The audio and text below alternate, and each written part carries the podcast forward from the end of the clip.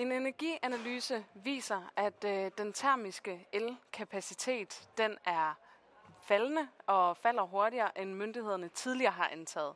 Men hvorfor sker det?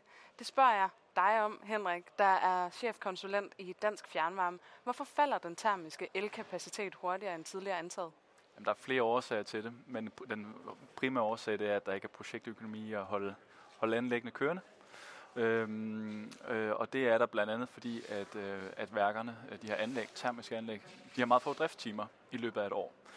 Så den indtjening, de kan, de kan nå indhente på den her få timer, øh, det er ikke nok til at kunne, øh, kunne betale for servicekontrakter og drift og vedligehold osv. Så, så det er en af årsagerne, at der simpelthen ikke er, er projektøkonomi i det. Og hvorfor er det, at vi har behov for den her termiske elkapacitet? Når, kan vi ikke bare leve på vind og energi? øh, vind og sol, mener jeg. Ja, jamen det kan vi også, og det skal vi selvfølgelig også i, øh, i, i de stunder, hvor vinden blæser og, og solen den skinner. Men når det ikke gør det, og når det heller ikke gør det i, øh, i udlandet eksempelvis, så vi kan importere el, men så har vi brug for, for de her termiske værker, som kan skrues op og ned, når vi egentlig har behov for det. Og de skal være med til at, at dække de, de huller, så at sige, i produktionen, øh, når, når, når vinden og solen den ikke er til stede. Ja, og kan du forklare mig, hvordan fungerer det her termisk elproduktion? Hvor, altså, hvordan det der med, at du siger, at man skal skrue op og ned, og kan gøre det, når vinden og solen ikke øh, ja, kan bruges? Ja.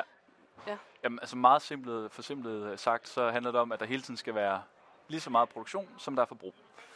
Øh, og hvis der ikke er det, jamen, så er den eneste mulighed, du har for ligesom at, at få den balance, det er ved at, at anvende de termiske værker, som du kan, du kan justere på, så at sige, så du, du når den her ligevægt mellem produktion og forbrug. Og det er egentlig det, øh, deres rolle er øh, i, i den her henseende. Ja, og det er også noget med, at øh, termiske værker de øh, er med til at stabilisere elnettet, øh, eller elsystemet. Øh, det er dig, der er eksperten, det ved jeg ikke noget om. Øh, hvordan fungerer det? Jamen igen, i, øh, stort set på samme måde, hvis vi skal holde det sådan lidt, lidt forsimplet i hvert fald. Øh, det er, at, at hvis der ikke er øh, hvad hedder det, balance mellem produktion og forbrug, så kan du risikere, at der sker, sker udfald eksempelvis. Øh, de her såkaldte brownout, som, som der også er, er skrevet om i medierne, øh, det er jo et eksempel på, at der ikke er nok produktion, og så bliver du nødt til at, at kotte noget forbrug af, for at, at genskabe den her balance, så du øh, passer på, på systemet, og der ikke er noget, der går i stykker i princippet.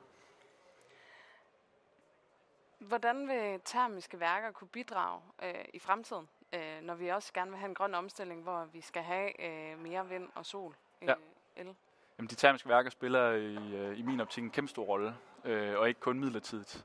Øh, hvis, hvis værkerne lukker, øh, så vil det jo langt hen ad vejen, og, og oftest være en, en irreversibel proces. Altså det kan du ikke rulle tilbage og, og nødvendigvis genoprette den kapacitet, du så har lukket ned. Så vi har brug for at, at sikre, at, at vi ikke øh, skaber nogle, nogle, øh, nogle utilstrækkelige incitamenter eller nogle rammer, der gør, at de her værker de, de lukker før tid. Der er analyser foretaget af myndighederne eksempelvis, der, der også siger, at fra 2030-2032 cirka og frem efter, så kan vi godt risikere, at vi står og mangler produktion i de tilfælde, hvor vinden ikke blæser og solen ikke skinner. Øh, og, og der, er det, der er det hammerende vigtigt, at de er ikke kun en overgangsstrategi, men en, en central spil også i, i det grønne system fremadrettet.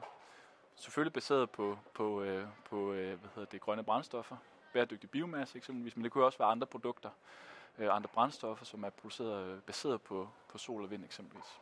Ja, hvordan vil det fungere? Hvis, altså, du siger bio, bæredygtig biomasse, det vil man kunne bruge. Øh, hvad andre brændstoffer eller varmekilder vil man kunne, eller ikke varmekilder, men det kunne sagtens være, at man kunne forestille sig, at en naturgasmotor eksempelvis kunne, kunne konverteres til at køre på, på rent brint. Det kunne også være biogas. Øh, man kunne også forestille sig, at man kunne producere kunstig naturgas, så at sige, med, med grøn øh, brint fra, fra vind og sol, kombineret med nogle, nogle kulstofkilder, som, som øh, der findes øh, rundt omkring. Og så har du egentlig kunstigt øh, hvad hedder det, vedvarende energiproduceret brændstof, som du kan, du kan anvende i kraftværkerne eksempelvis. Så, så du siger, at i en grøn omstilling og i, en, øh, i 2070, hvor vi skal have, hvad hedder det, være CO2-neutrale, der skal vi stadigvæk have, have termiske værker. Det, det tror jeg altså, de, de er, jeg er ret overbevist om, at de kommer til at spille en eller anden form for rolle i hvert fald. Selvfølgelig i, i sammenhæng med, med nye teknologier, læringsteknologier, altså el-læringsteknologier eksempelvis. Øh, men der er vi jo ikke endnu. Så vi skal, vi skal sørge for, at vi vi beholder dem, indtil at vi også får de andre alternativer. Øh, og så har de også helt sikkert en rolle at spille fremad, det er jeg overbevist om. Og det er det, analysen den viser, det er, at det simpelthen går for hurtigt med at få udfaset de her termiske værker. Det sker for hurtigt, korrekt. Og, og derfor har vi brug for at for det første tage stilling til, vil vi have den her regulerbare produktion i Danmark? Det, det synes jeg, eller det synes Dansk Fjernvarme, vi skal have.